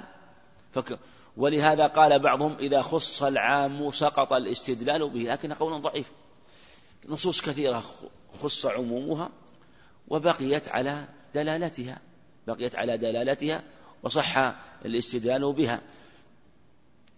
مثل قولها عليه الصلاة والسلام مثل في قوله إذا وإذا قرأ فأنصتوا في حديث أبي موسى واستدل بعضهم بالآية وإذا قرئ القرآن فاستمعوا له وأنصتوا. وكذلك أيضا هذا العموم مخصوص بالفاتحة وأنها تقرأ. ولهذا في اللفظ الآخر و إلا بأم القرآن. لا صلاة لمن لم يقرأ بأم القرآن. كل صلاة لا يقرأ بأم القرآن فهي خداج خداج خداج. لا تجزئ صلاة لا يقرأ فيها بأم القرآن. قال أبو هريرة اقرأ بها في نفسك يا فارسي. وهناك أدلة كثيرة فالعام على عمومه وإن خص بعضه فلا يضر. نعم. أو أن العموم الوارد على سبب مقصور على سببه. كذلك أو أن المفهوم ليس بحجة. نعم اقرأ ثم مثل يعتقد. مثل أن يعتقد أن العام المخصوص ليس بحجة أو أن المفهوم ليس بحجة. كذلك أو أن المفهوم ليس بحجة. يعني وهذا فيه الصواب أن المفاهيم حجة. أما مفهوم الموافقة هذا واضح. مفهوم المخالفة قول الجمهور. خالف في ذلك الأحناف وأسقطوا بعض أنواع المفاهيم. مفهوم المفاهيم التي مفهوم الغاية ومفهوم العدد يعني أنواع مفهوم المخالفة. والشارع حينما يخص شيئا أو يتكلم بشيء له مفهوم مخالف فهو مفهومه حجة. ولهذا لما قال النبي عليه الصلاة والسلام في الغنم السائمة الزكاة التي تسوم. فهم منه أن التي ترى أن, أن التي تعلف لا, لا زكاة فيها من مفهوم المخالفة. مثلا كذلك إذا بلغ المقلتين لم يحمل الخبث فهم أن ما هو أقل من قلتين يحمل فهم الجمهور أنه يحمل الخبث. وفهم آخرون قال إن قد يحمل الخبث وقد لا يحمل الخبث على خلاف معروف. تارة يحمل الخبث وتارة لا يحمل الخبث ونحن عملنا بمفهومه في صورة وفي هذه الحال يكفي في مثل هذا. فنقول إذا أثرت النجاسة فيه فإنه في هذه الحال يجتنب. لكن نستفيد أنه ينبغي أن نعتني وننظر إذا كان ما أقل من قلة وقعت في نجاسة لا نبادر بل ننظر لأنه لقلته قد لا يتحمل النجاسة. و... فالأنواع المفاهيم كثيرة وهي حجة لكن بعضها أقوى من بعض. نعم. أو أن العموم الوارد على سبب مقصور على سببه. والصواب أنه العموم العبرة بعموم السبب بعموم اللفظ لا بخصوص السبب. وبعضهم قال إنه خاص. لكن في الحقيقة هو الخلاف أشمل يكون لفظي. لأن من قال إن العموم الذي ورد على سبب خاص لم يرد لم يرد أحد أحد منهم مثلا أن آية الظهار خاصة بأوس بن الصامت وأنها ليست حجة بعد ذلك. هذا لا يقول أحد من أهل الإسلام. كذلك مثلا آية الذين في, في لما نزلت كذلك الآية في, في, في من رمى أهله مثلا على الخلاف في نزولها في من نزلت فيه ابن عجلان عدي بن عجلان العاصم أو في غيره. لكن الذين قالوا إنه ليس بعام قالوا إنه خ... إن إن يدخل فيه من نزلت فيه وغيره بالقياس عليه نلحقه بالقياس عليه. فيقاس لا أنه من جهة العموم. والصواب أنهم أن, أن اللفظ العام يشمل الجميع يشمل ولهذا أمثلة كثيرة. نعم. أو أن الأمر المجرد لا يقتضي الوجوب أو لا يقتضي الفور. والصواب هذا قول مرجع والصواب قول الجمهور أن الأوامر على الفور والنواهي كذلك على التحريم الأوامر على الوجوب وعلى الفور. والنواهي على التحريم. النواهي عن التحريم هذا واضح ما عندهم فيه إشكال لكن الخلاف عندهم في الأمر للوجوب. واختلفوا قالوا مما قال هل للوجوب صيغة أو ليس له صيغة؟ الصواب أن له صيغة وجاءت أدلة في الشريعة تدل عليه وأنه إذا نهى عن شيء فإنه آه، لا يجوز ويجب اجتنابه. وإذا أمر بشيء كذلك يجب فعله. الذين خالفوا قال لا بد من قرينة تدل عليه. مجرد الأمر لأن الأمر الإنسان قد يأمر وقد لا يريد بذلك آه، الإيجاب. وقالوا جاءت الشريعة أوامر ليست للوجوب. نقول هذا لا وإن جاءت أوامر الشريعة للوجوب هذا لا يكفي. الأصل أنها للوجوب وكونها جاءت ليست للوجوب للدلالة.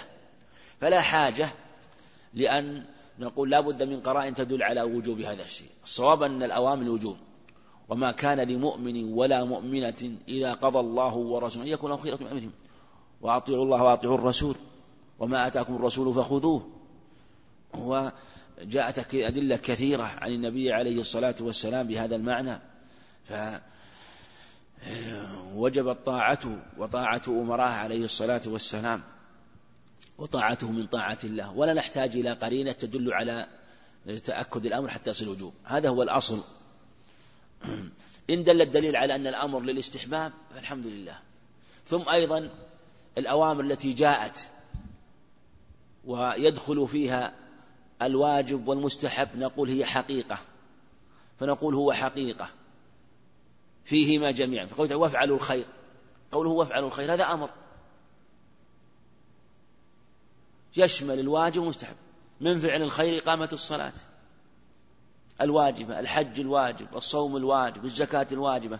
من فعل الخير الصلاة المستحبة من نافلة وتطوع. الصوم المتطوع الحج المتطوع العمرة المتطوعة الزكاة الصدقة المتطوعة كلها تدخل في قول يفعل الخير. ولهذا ما نقول إن هذا عم ما نقول إنه إنه, إنه مجاز. نقول إنه أمر حقيقة. ويسميه ويسميه علماء البلاغة عموم المجاز. وهو إذا جاء الأمر عاما يشمل المأمور به على جهة الحتم والمأمور به على جهة الفضل والاستحباب. نقول الشريعة تأمر بذلك في الأمر وافعلوا الخير أو الأمر بالإحسان وما أشبه ذلك فالإحسان وفعل الخير يشمل هذا وهذا. وهذا هو الصواب. أما إذا كان أمرا مجردا لشيء مخصوص فالأصل فيه الوجوب. ولهذا أخذ جمع من العلم في كثير من الآداب التي خالف فيها الجمهور قالوا إنها للوجوب. مثل كل بيمينك مثل الأمر بالانتعال باليمين. الأمر بالانتعال باليمين. الأصل فيه الوجوب وأنه يجب أن ينتعل يبدأ بيمينه. إذا انتعل أحدكم فليبدأ باليمين وإذا خلع فليبدأ بالشمال. فليبدأ بالشمال. لتكن اليمنى أولهما تنعل وآخرهما تنزع. وما أشبه ذلك. وإن كان الجمهور يخالفون ومنهم من يقول إنه الإجماع. مع أنه ربما يدعي إجماع في مسائل والنص على خلافه. لكن من خالف لا ننكر عليه ولا نقول أتى فعلا محرم ما ننكر عليه لأنه أمر له فيه قدوة وقد يقول بعضهم أنا لا أجزم بوجوب هذا الشيء لأني أرى من تقدم من العلم يقول بالوجوب. نقول إن كنت لم تعلم أن أحدا يقول بالوجوب فلا تقل إنه إجماع لكن قل لا أعلم أحد أوجبه. ويكفي أن النبي عليه الصلاة والسلام أمر به. وإن كنت وإذا كنت أنت معذور معذور في قولك بعدم الوجوب لأنك لم تعلم أحدا قال به فمن قال إنه واجب خشية أن يخالف أمر النبي صلى الله عليه وسلم أبلغ في العذر منك. فالعذر لمن احتاط في عدم مخالفة النبي عليه الصلاة والسلام أبلغ من العذر في من احتاط في عدم مخالفة أهل العلم ممن تقدمه. مع أنه لا يدعي في ذلك جمع ولو ادعى الإجماع في ذلك لكذب. قلنا لا يجوز أن تدعي إجماع في هذا. لكن غاية الأمر أن تقول لا أعلم أحدا خالف في هذا أو لم يبلغني خلاف من خالف في هذا في المسائل التي يدعى فيها إجماع. سيأتينا أيضا في بعض الأسباب أن بعضهم يقول إن في بعض المسائل يدعي فيها الإجماع مع أنه ليس بصحيح. مثل ما قالوه في مسائل في أبواب النكاح في الطلاق وطلاق الطلاق الثلاث وما أشبه ذلك. فلهذا آه، إذا جاء النص مجرد فالأصل فيه الوجوب. ومن فرق في الشريعة من باب دون باب فلا دلالة لقوله. وقال إن في باب الآداب يكون للاستحباب. في باب الأحكام نقول الوجوب. نقول جاء في باب الآداب ما هو نص في الوجوب وأخذ بجمع العلم. في باب مثل آداب الخلاء. آداب الخلاء. في أشياء في الوجوب في الاستنجاء والاستجمار وجوب وجوب الاستجمار بثلاثة أحجار. ولو نقى بحجرين وجب أن يزيد ثالثا. للنص عليه في حديث عائشة وسلمان خزيمة بن ثابت وخزيمة بن جز وكذلك أيضا ظن في حديث أبي هريرة. حديث صحيحة وهي في باب الآداب. كذلك أيضا باب الآداب في الأكل باليمين وما أشبه ذلك. وكذلك في الآداب في الاستنجاء بالشمال ولا يجوز السنجي بيمينه لا يجوز. مس الذكر كذلك مس الذكر باليمين. نهى النبي عن مس الذكر لا يمسن أحدكم ذكره بيمينه. نهى عن مس الذكر مطلقا. فهو من باب الآداب. ف... فالأصل في الأمور أوامر مجردة أنها للوجوب. هذا الأصل. ولا يحتاج إلى قرينة. أمر النبي ما يحتاج إلى قرينة. ثم اللغة تدل على هذا. قالوا لو أمر السيد مملوكه بأمر قال أحضر لي ماء فلم يحضره. وقال من قال لا يلزمني أمرك مطلق. قد تريد اليوم قد تريد غدا ولا يلزمني. اعتبر مسيئا لاعتبر عبد سوء ومملوك سوء. فإذا كان هذا يعتبر مملوك سوء مع مخلوق مثله فكيف بأوامر الله عز وجل أو أوامر رسوله التي أمر الله أمر بها لأمر الله عز وجل. ألا يكون العبد الذي لا يمتلئ عبد سوء؟ فإذا كان يكون مملوك سوء وعبد سوء مع مملوك ومخلوق مثله مملوك. هو جميع كله لا يملك شيئا من أمره مخلوق. فكذلك في أوامر الله عز وجل الذي لا يملك يكون آه، عبد سوء لم يمتثل. فهذا هو الأصل فيها كما تقدم. نعم. أو أن المعرف بالألف واللام لا عموم له. نعم كذلك المعرف بالألف واللام لا عموم الصواب العموم والمعرف بالألف واللام يراد بالألف واللام غير العهدية يعني غير العهد. أما الألف واللام العهدية آه، مثلا مررت برجل فجاء الرجل. كلمني طالب فحضر الطالب. هذا عهد.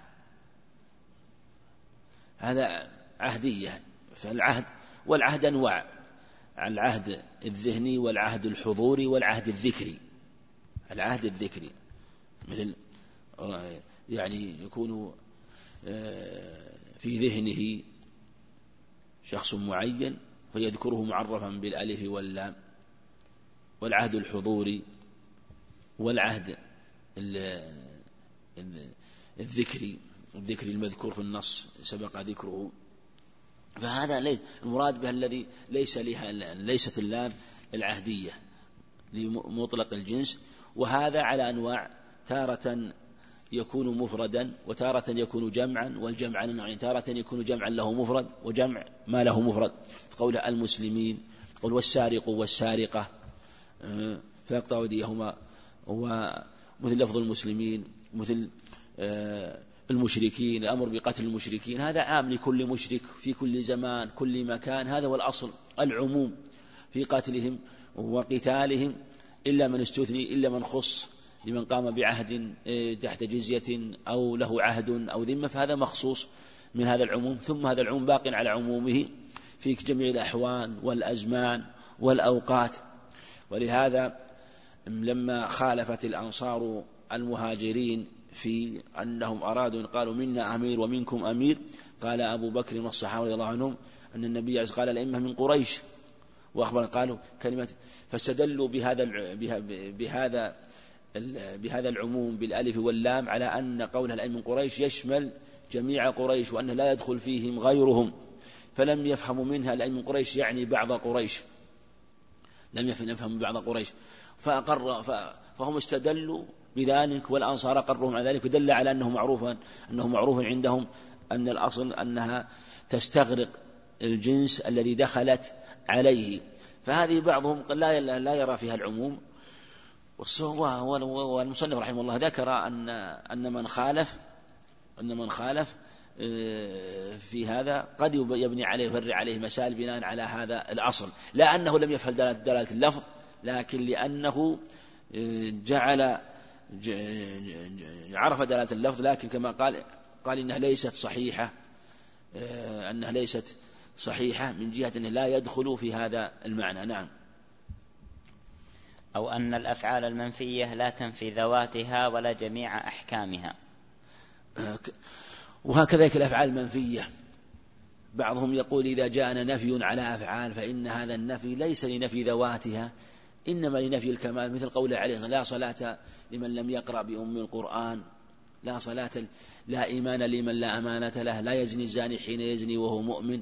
جعل بعضهم يعني مراده نفي كمال الإيمان نفي الصلاة نفي قال لا صلاة صحيحة وما أشبه ذلك في النفي والصواب أن النفي من الشارع إما لنفي الذوات أو لنفي الصحة.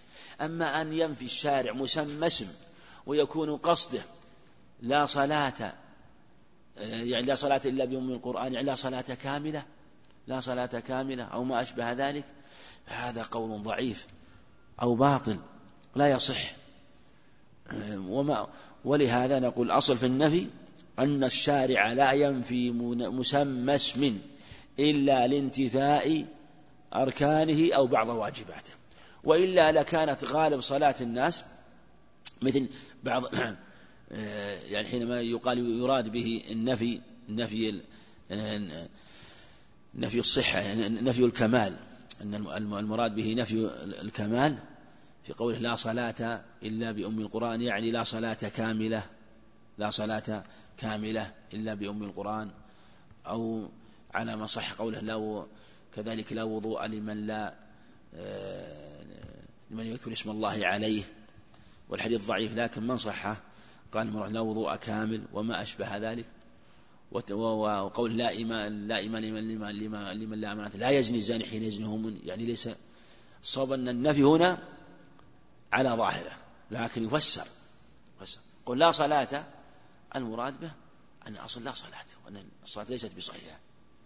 ولا يمكن يريد الشارع بذلك أنها صحيحة لكن غير كاملة. ولهذا جاءت الألفاظ واضحة صريحة. كل صلاة لا يقرأ فيها بمغافة فهي خداج. خداج من خدجة الناقة إذا ولدت ولدا ناقصا. لا تجزئ في لفظ عند ابن خزيمة والدار لا تجزئ صلاة لا يقرأ فيها بأم القرآن. قال لا يزني الزاني حين يزني وهو مؤمن نفي للإيمان الواجب. ما لا نقول إنك كافر ولا نقول إن إنه إيمانه إن أتى بالإيمان الواجب. لكن هذا هذا هذا ليس بصحيح. لكن لا نقول إنه كامل. لا نقول إنه آه، نفي الكمال الكمال الواجب وأنه معرض للعقوبة لوقوعه في آثار الإثم العظيم ولهذا في اللفظ الآخر ابن عباس كان عند أبي داود كان الإيمان عليه كالظلة فإن عاد عاد. يعني لم ينقطع من لم يزل منه الإيمان لكنه ارتفع عنه فإن عاد عاد. يعني ترك ما هو عليه وعاد إلى إيمانه الذي هو الإيمان الواجب. نعم. أو أن المقتضى لا عموم له. أو أن المقتضي المقتضي. أو أن المقتضي لا عموم له. نعم. فلا يدعى العموم في المضمرات والمعاني. إلى غير ذلك مما يتسع القول فيه. نعم. فإن شطر أصول الفقه تدخل مسائل الخلاف منه في هذا القسم. وإن كانت الأصول المجردة لم تحط بجميع الدلالات المختلف فيها. وتدخل فيه أفراد وأجناس الدلالات وهل هي من ذلك الجنس أم لا؟ مثل أن يعتقد أن هذا اللفظ المعين مجمل بأن يكون مشتركا لا دلالة لا, لا دلالة تعين أحد. معنيه لا دلالة تعين أحد معنييه أو غير ذلك. قف على السبب الثامن. وهذه المسائل هنا رحمه الله ذكر مسائل مهمة وينبغي العناية بها لكن قد يعني يتيسر بسط القول في شيء منها. مسائل مهمة. وكما تقدم صنف رحمه الله إيه، يترك مسائل. وأهمية الكتاب تأتي من أنه ربما يشير إلى أشياء يتبين منها الرجحان إيه، في مسائل في أبواب الأصول يبتني عليها التخريج والتفريع كما تقدم. ومن ذلك المقتضي المقتضي أن المقتضي لا عموم له فلا يدعي العموم في المضمرات. وهذا بحث لأهل الأصول. عندنا المقتضي بصيغة اسم الفاعل والمقتضى بصيغة اسم المفعول. المقتضي هو الإضمار هو الطالب هو اللفظ الطالب لشيء مضمر. يعني لا يصح لا يصح لا يستقيم اللفظ إلا بأن يضمر فيه شيء. يستقيم اللفظ إلا بأن يضمر فيه شيء. مثل آه، آه، يعني قول حرمت عليكم أمهاتكم حرمت عليكم الميتة. قول حرمت. عليكم يعني المراد أن المراد تحريم النكاح. لابد أن يضمر شيء مراد تحريم النكاح. ليس معنى حرمت يعني التحريم الذي دل عليه المعنى وهو تحريم النكاح. كلمة كلمة تحريم الميتة يعني تحريم أك تحريم أكله. لا لا جميع أنواع التحريمات. كذلك أيضا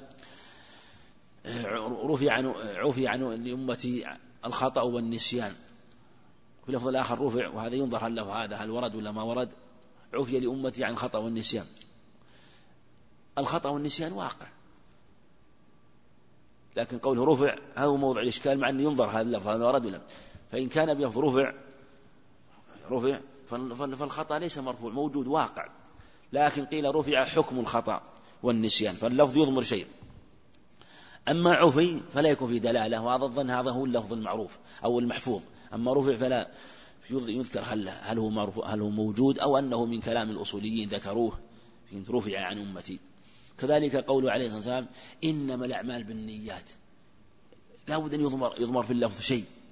إنما الأعمال بالنيات. اللفظ يقتضي شيء. هل هو صحة الأعمال وجود الأعمال كمال الأعمال؟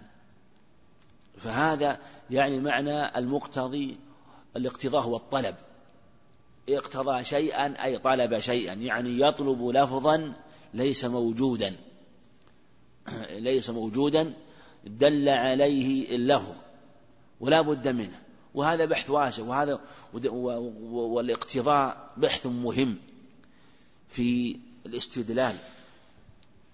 رحمك الله. ولهذا نقول الأصل أن المقتضى باسم المفعول مع المقتضي نقول بعمومه إلا إن دل دليل على الخصوص. فإذا جاءنا لفظ يقتضي ألفاظا فليس عندنا تخصيص لأحدها إما بشيء دل السياق عليه أو من لفظ آخر يبينه فإننا نحمل الاقتضاء على العموم. ونضمر جميع الألفاظ ونقدر جميع الألفاظ المضمرة. نقدر جميع المضمرة. كما ذكر وفلا يدعي العموم في المضمرات. كأن المصنف رحمه الله يشير إلى أن الأصل ادعاء العموم. كما أن ادعاء العموم في الألفاظ. وهم يقولون إن العموم في الألفاظ لا في المعاني. وهذا مبني على قول ضعيف في الأصول. وهو أن العموم في الألفاظ لا في المعاني. والصواب أن العموم في الألفاظ والمعاني. ولهذا بعضهم نفى حجية عموم مفهوم المخالفة أو, أو نفى حجية عموم المفهوم. قال إن المفهوم لا عموم له والصواب أن له عموم كما أن للألفاظ عموما. وقولهم إن العموم في الألفاظ قول لا شاهد له ولا دليل عليه ولو قيل لهم اذكروا دليلا غاية الأمر أن يذكروا أقوالا من كلام الناس والأدلة التي جاءت في السنة لا يمكن أن يجيبوا عنها. والنبي عليه الصلاة والسلام تكلم بألفاظ وتكلم بلغة العرب وهم حينما يتكلموا بهذا لا يقال إنهم قصدوا هذا دون هذا إن هذا حكم على أمور النيات. ولهذا الأصل العموم في الألفاظ والعموم في المعاني والعموم في المضمرات التي يطلبها اللفظ يطلبها اللفظ. ولهذا كان الصواب في قول النبي عليه الصلاة والسلام إنما الأعمال بالنيات. ليس كما قاله كثير من الشراح. تجد حينما تقرأ الشرح يقول يذكر, يذكر ربما يذكر بعضهم القول أقوالا كثيرة ولا يذكر القول الصحيح. ولا يذكر القول الصحيح. مثل ما ذكر الحافظ رحمه الله في قول حافظ حجر في قوله آه، سباح حديث مسعود الصحيح سباب المسلم فسوق وقتاله كفر. قول قتال كفر استوفى أقوال كثيرة لم يعرج على قول صحيح رحمه الله فيه. ذكر على التغليظ أو أنه المراد استحلال قتاله أو أنه أراد بذلك بذلك الخوارج الذين يكفرون أهل الإسلام. وذكر أقوال كثيرة. مع أن نقول أن هذا قتال الكفر على ظاهره كفر. شو يمنع؟ النبي يقول سبابه فسوق قتال كفر والنبي يقول لا ترجعوا بعدي كفارا. كفار. قال ذلك النبي. تلفظ بذلك. هل لا نطلق لفظا أطلقه النبي عليه الصلاة والسلام؟ لكننا نقول الكفر كفران. وش المعنى؟ النفاق نفاقان.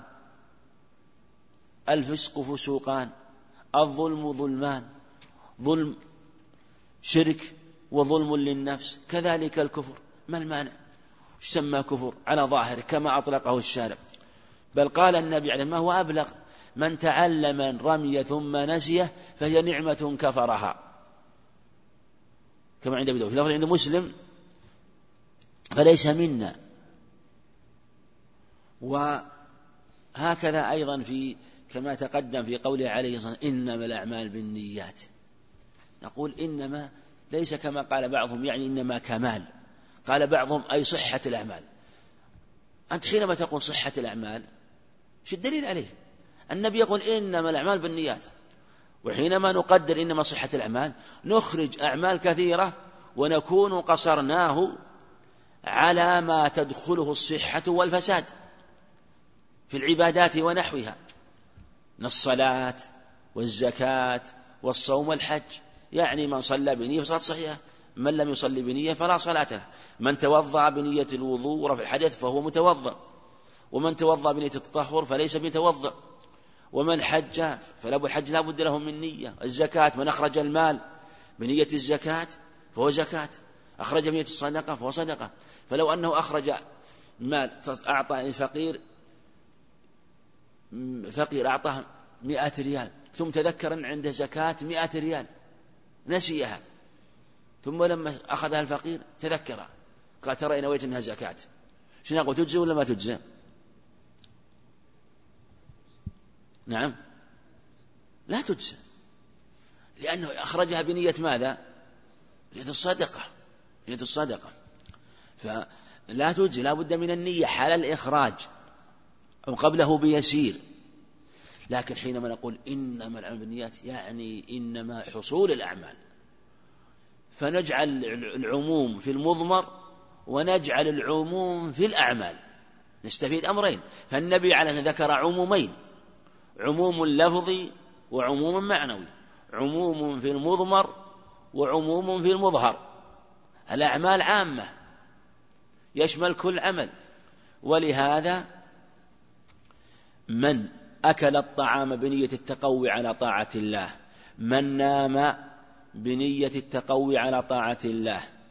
من زار أخاه بنية وصاله وزيارته في الله. وهكذا من لبس ثوبه ونوى بذلك شكر نعمة الله عز وجل ونوى بذلك ستر سوءته وعورته. مثلا وهكذا أعمال كثيرة. أعمال كثيرة ليست من الأعمال التي تدخلها الصحة والفساد. أعمال مباحات. الأعمال مباحات فيكون جميع عمله تدخله النية إنما جميع حصول الأعمال. أعطى الأمانة التي عنده بنية أدائها وردها نقول يؤجر عليها. لو أن أعطى أعطى إنسان أمانة يظنها أنه أو جاء أو جاء إنسان وأخذها بلا بغير علمه. فإن أعطاه بنية أدائها يؤجر على ذلك. إن أعطاه بنية التخلص لا يؤجر. ما نوى بس التخلص منها. أو أعطاه ردها مثلا وكيله بلا علمه أو زوجته أو ولده ما نوى ما يؤجر. لأنه ما نوى. لكن لو نوى في هذا العمل الذي يدخل الصحة والفساد يؤجر على ذلك. فلهذا نقول وثم الشريعة جاءت بالنية في أعمال كثيرة. جاءت بالنية في أعمال كثيرة. من نواها فإنه جر بل ما هو أبلغ فيما هو من لذة النفس. أن النبي عليه الصلاة والسلام قال وفي بضع أحدكم صدق قالوا يا رسول الله يأتي أحدنا شهوة وفي أجر؟ قال أرأيت لو وضع في حرام يكون عليه وزن؟ قالوا نعم. قال فكذلك إذا وضعها في إذا وضعها في حلال. وفي لفظ عند أحمد أتحتسبون بالحرام ولا تحتسبون بالحلال؟ يعني جاوبهم بما يسمي في الأصول قياس العكس. فيؤجر. وفي الصحيحين من حديث سعد بن وقاص حتى اللقمة ترفعها إلى في امرأتك. يرفعها ينوي بذلك مؤانسة الأهل ومعاشرة بالحسن بالحسن يكون مأجورا بذلك. وفي الصحيحين عن مسعود نفقة الرجل على أهله يحتسب صدقة.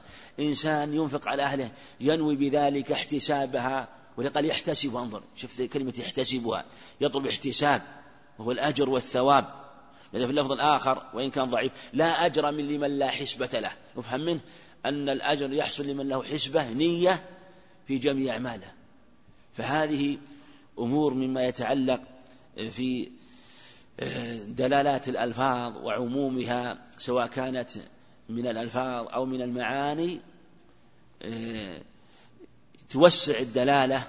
ثم تكون من المرجحات في الأقوال حينما ترد الخلافات بين أهل العلم في مثل هذه المسائل.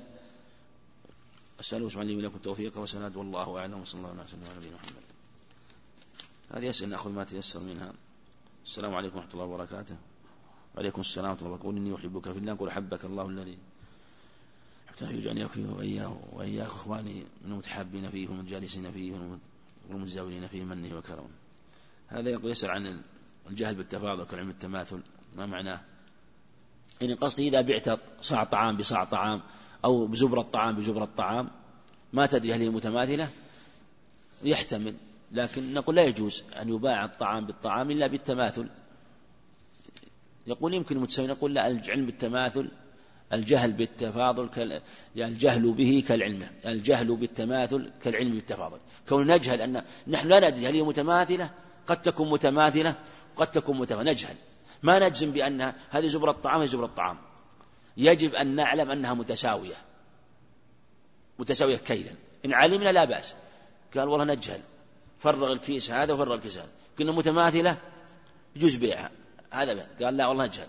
نقول الجهل كالعلم كأنها متفاضلة. من راجح بيع الرطب؟ بالرطب سؤال ما في وضوح. لكن المقصود الرطب رطب فيه خلاف. وإن كان الأظهر والله أعلم أن نقول لا بأس من بيع الرطب الرطب إذا كان من جنس واحد. إن كان من جنس واحد يعني من نوع واحد من نوع واحد. مثل بيع سكري بسكري. مثلا. نبوت سيف نبوت سيف. سلج وسلج ما هذا لا بأس به لأنه التماثل لكن نوع بنوع آخر هذا موضع نظر. نوع من هذا موضع نظر. وإن كان ظاهر كلمة من العلم جوزة. إذا كان يعني كيلهما إذا كان كيلهما واحدا. هل يقرأ من في الصلاة؟ نعم, نعم نقول يقرأ على الصحيح والأدلة في هذا كثيرة.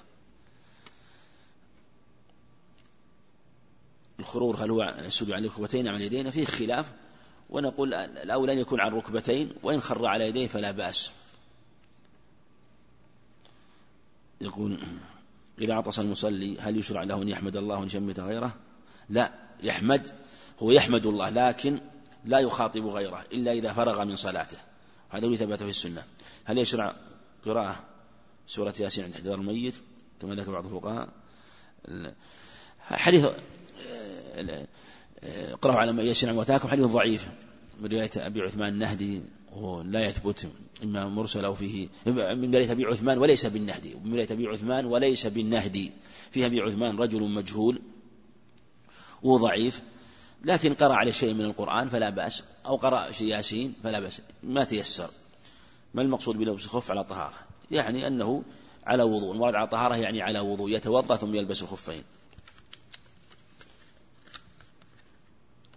هل تقبل الصلاة ولو لم تقرأ الفاتحة؟ نقول يجب قراءة الفاتحة إلا إذا كان يعني لا يقرأ الفاتحة بناء على اجتهاده إذا كان من أهل النظر أو بناء على تقليد غيره أو أنه فعل ذلك فيما مضى ثم سأل فنقول إن الأصل هو وجوب قراءة الفاتحة كما مذهب الشافعي والأدلة تدل عليه إذا دخل الإنسان بعد الفجر المسجد بعد الفجر هل يصلي تحية المسجد؟ نعم يصلي تحية المسجد لعموم الأدلة وهل هل معنى قوله صلى الله عليه وسلم لا يجحد حتى يصلي ركعتين هل هو الوجوب؟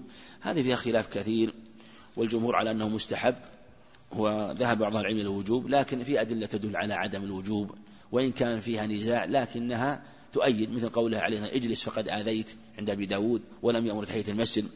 مثل قول حديث أبي, أبي واقد الليث في الصحيحين لما جاء ثلاثة نفر وذكر ثلاث نفر ولم فجلس أحدهم خلفهم والآخر وجد فرجة والآخر ذهب ولم يذكر حديث أن النبي عليه السلام آه، أمرهم بتحية المسجد. وذكروا أدلة هي موضع نظر لكن بالجملة ينبغي الاحتياط وصلاة التحية مهما أمكن. هذا يسأل عن بعض الفرق والجماعات يقول هو يذكر نسمع في الآونة الأخيرة من يشنع على علماء هذه الأمة. المقصود هذا هذا أمر أقول التشنيع أقول لا ينكر لا ينكر أحد شناعته. هذا أمر واضح وهذه لا شك من من البلاء والمصائب.